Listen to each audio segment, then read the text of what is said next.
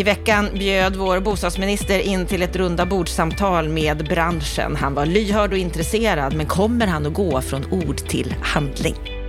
Och vi har fått ytterligare prognoser om att bostadsbyggandet är riktigt, riktigt lågt och att vi inte har nått botten än. Vad betyder det egentligen? De stigande räntorna, de borde vara en anledning till amorteringslättnader. Riksbanken, de borde sansa sig istället för att höja räntan ytterligare. Vad betyder det om de höjer den i juni och september? Både för enskilda men också för branschen i stort. Sen har det i veckan kommit ett förslag om att hjälpa barnfamiljer att flytta från utsatta områden. Är det rätt sätt att hjälpa familjerna och att hjälpa de här områdena att fungera? Och sen avslutar vi veckans Aktuellt med att undra om Stefan Löfven kommer till Almedalen som PR-konsult. Ja, varmt välkommen till veckans Aktuellt ifrån oss på Bopolpodden. Alldeles strax får du träffa vår expertkommentator Kent Persson som ger sin bild av vad det snackas om i media när det gäller just bostads och fastighetsbranschen. Jag heter Anna Bellman.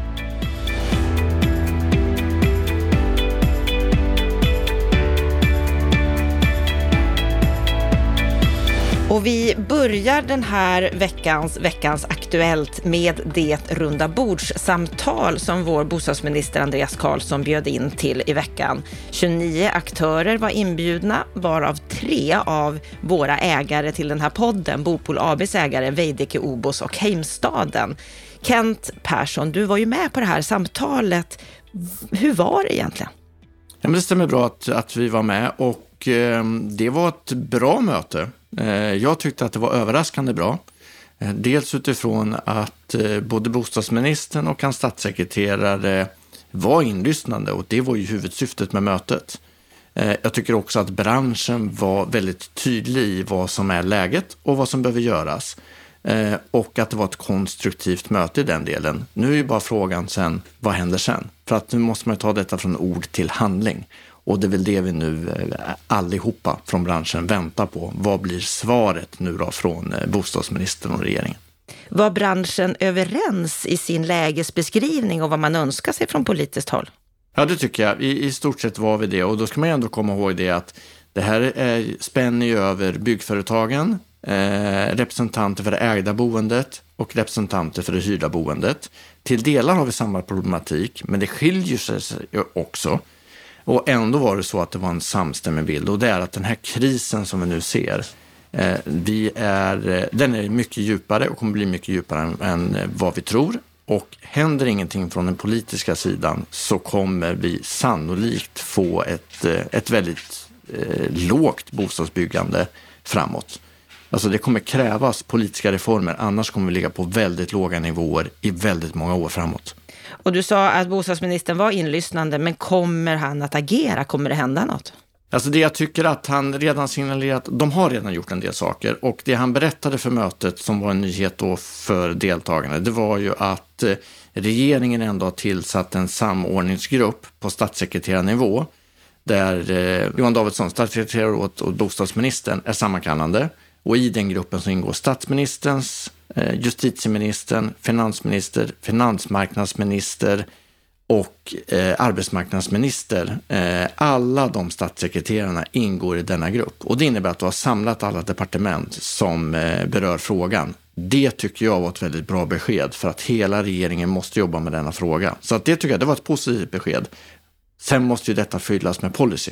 Mm. Och det är väl det vi nu väntar på. Och det måste komma policybesked och reformer på både kort och lång sikt. Men just nu så är också det viktigaste, ska jag säga, det är att i den här tunneln just nu så är det helt beckmörkt.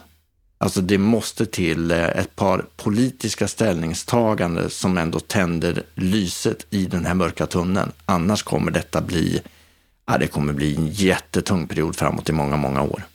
Det är ju ett exceptionellt läge just nu och det var ju väldigt viktigt att bostadsministern kallade till det här mötet och vi är många som är nyfikna på vad ni verkligen pratade om och det ska vi ta i vårt program på måndag då du och jag och Lennart Weiss pratar mer om vad var det egentligen som sades på det här mötet och vad tror vi att vi kan förvänta oss framåt. Så lyssna gärna in vårt program på måndag, då kommer vi prata mer om detta runda bordssamtal.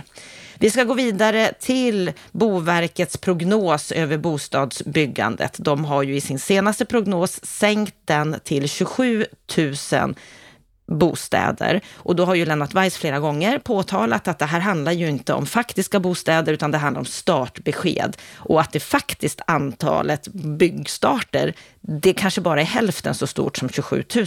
Och nu går även SBAB och chefsekonom Robert Boye ut med en liknande larmprognos som Lennart Weiss. Och han säger så här, baserat på den senaste inkomna statistiken över antalet sålda och bokade nya bostäder går det absolut inte att utesluta att antalet påbörjade bostäder i år går en bra bit under 20 000 och i värsta fall når runt 15 000 bostäder om inte intresset för nyproduktionen tar fart. Man får i så fall gå tillbaka till 1990-talskrisen för att hitta lika låga byggvolymer.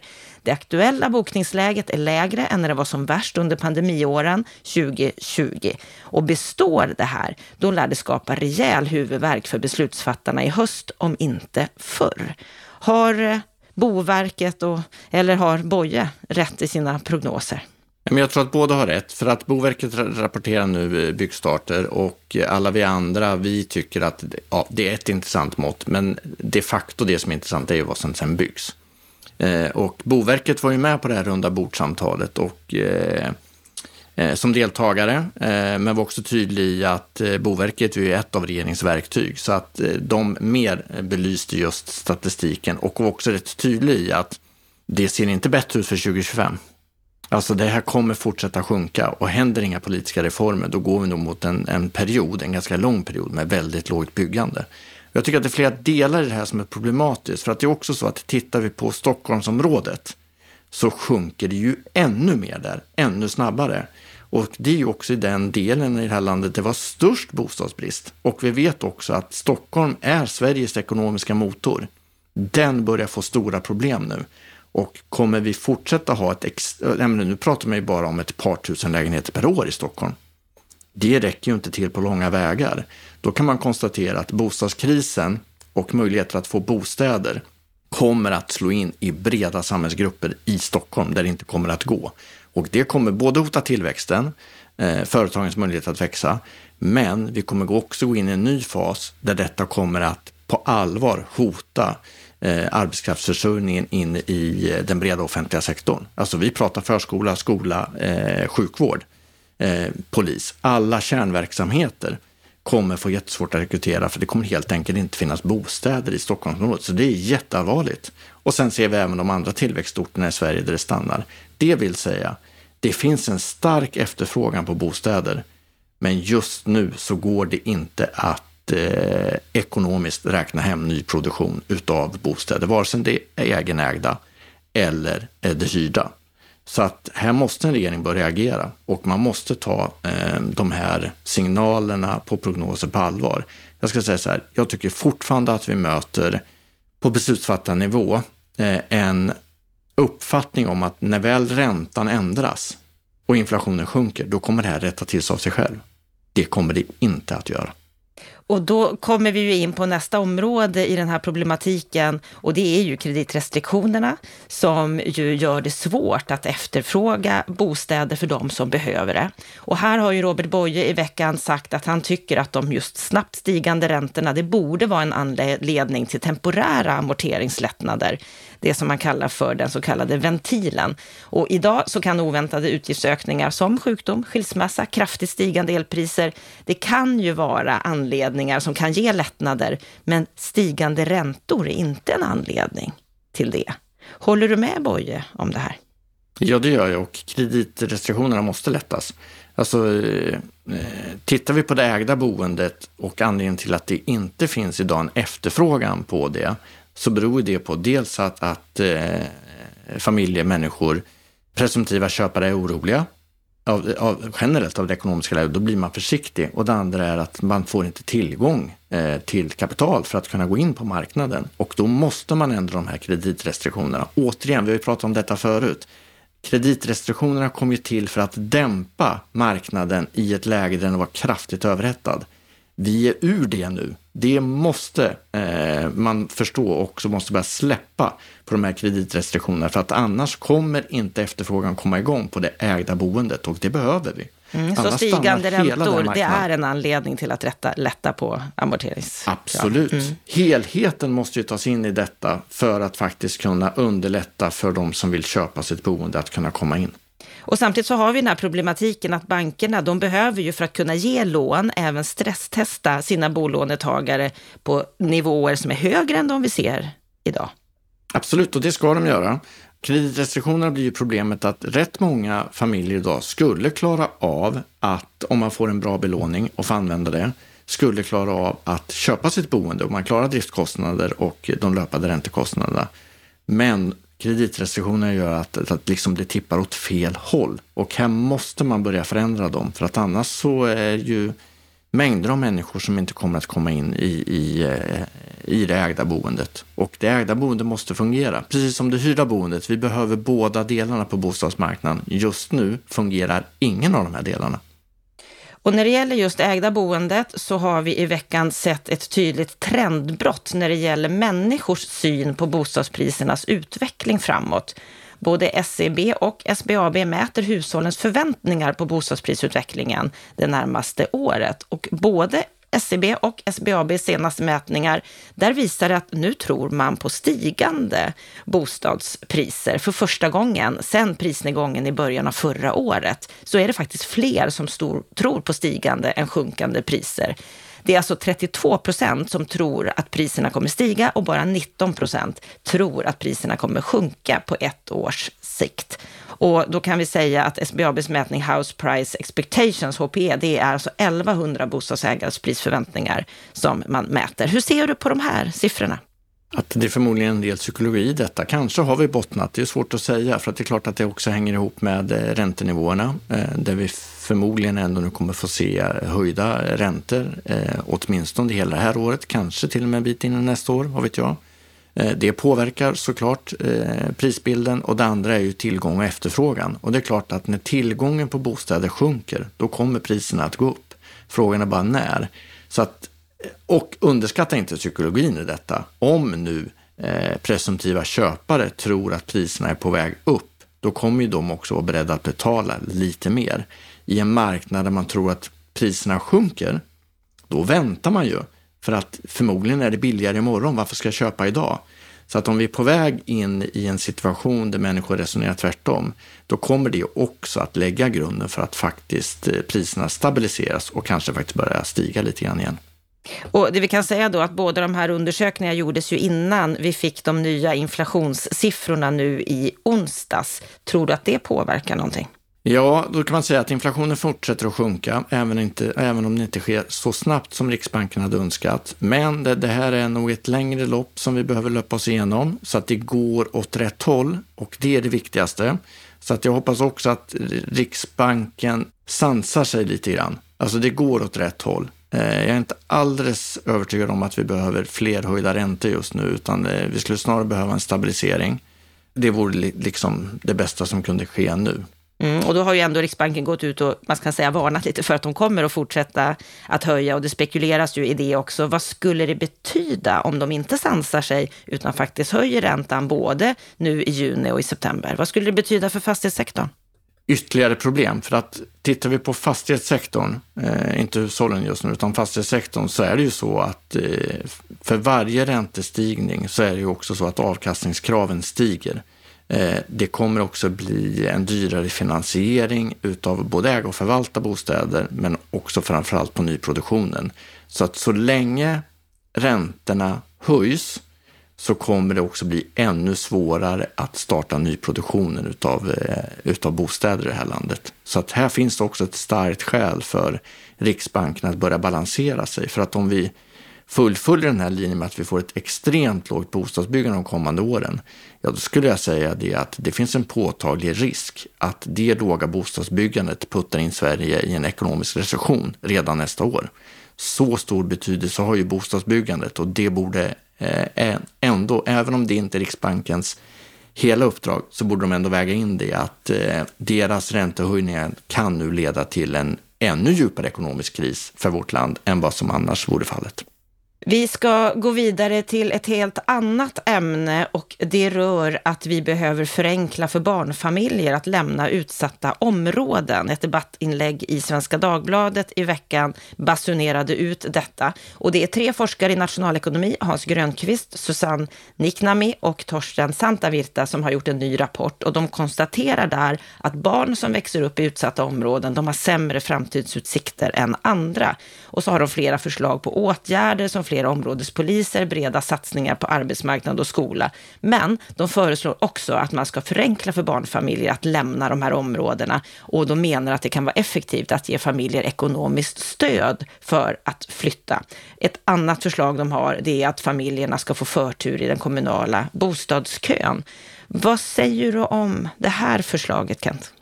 Ett mycket märkligt förslag när det gäller just detta att stötta barnfamiljer. Eh, och jag noterar att eh, de skiljer inte på utsatta barnfamiljer och barnfamiljer som fungerar. Utan barnfamiljer per definition eh, ska få hjälp att flytta från de här områdena för att eh, det skapar en ljusare framtid för barnen. Det är ett mycket märkligt synsätt på våra utsatta områden och ett bredare perspektiv, miljonprogramsområden. Alla är inte utsatta på den, det sättet. Att alla ska flytta därifrån. Vilka ska bo kvar då? Så att det är ju snarare tvärtom att det vi behöver i de här områdena är ju satsningar som gör att vi får en sammansättning socialt i de här områdena som gör att områdena börjar fungera. Och då är ju såklart barnfamiljer en nyckel i det. Jätteviktigt att barnfamiljer känner att de har en trygghet, kan bo kvar, att deras barn får tillgång till bra utbildning och att deras föräldrar får en bra tillgång till, till eh, utbildning och arbetsmarknad. Det är det som behöver göras. Det behöver vi lägga eh, energi och pengar på. Men kan Inte vi lägga... lägga energi och pengar på att flytta fungerande barnfamiljer ifrån områden. Mycket märkligt. Kan vi lägga ännu mer pengar och energi på att hjälpa barn då så att de inte har sämre förutsättningar än andra för att de växer upp i speciella områden? Absolut, jag tycker att, att det är en hel rad åtgärder som behöver göras i de här utsatta områdena. Nyckeln till, till integration är jobb öka insatserna där mot befolkningen. När det gäller nästa generation, alltså våra barn, så skulle jag säga så här, se till att de här barnen får den bästa utbildningen. Se till att de här barnen får de bästa lärarna. Är det någonstans vi ska göra investeringar så är det ju just i de här barnen och ungdomarna. Satsa på skolan i de här områdena. Det är vägen vidare och framåt. Vi ska gå vidare till politik och Fastighetssverige. De har gjort en stor genomgång av hur partierna ser på de ifrågasatta presumtionshyresdomarna som kom för ett drygt år sedan och som säger att hyreshöjningarna, de får bara vara hälften av höjningarna i det gamla beståndet. Och här har ju bostadsministern varit tydlig med att han ser problematiken och att det pågår ett arbete att på något sätt återställa de här förutsättningarna. Och Fastighetssveriges genomgång visar att Tidöpartierna, de är överens om att problem problemet med domarna ska åtgärdas. Vänsterpartiet, det är det enda partiet som säger att domarna är rimliga. MP, de har inte tagit ställning, men de ser ett visst behov av att det ses över. Socialdemokraterna, de svarar att hovrättens beslut är något av en kompromiss mellan värdarnas och Hyresgästföreningens utgångspunkter och vi har idag inget förslag om att förändra lagstiftningen. Alltså om vi börjar bara med liksom första frågan, hur viktigt är det att regeringen åtgärdar det här? Det måste man göra. Konsekvensen av den här domen innebär ju att när du tittar på nyproduktion av hyresrätter eh, så får vi inte ihop kalkylerna längre och enbart den här hovrättsdomen den innebär att fastighetsvärdena sjunker med ungefär 10 procent. Så att om du har ett, har ett, om du bygger hyresrätter för en miljard så kommer du sen få ta ner värdet till 900 miljoner.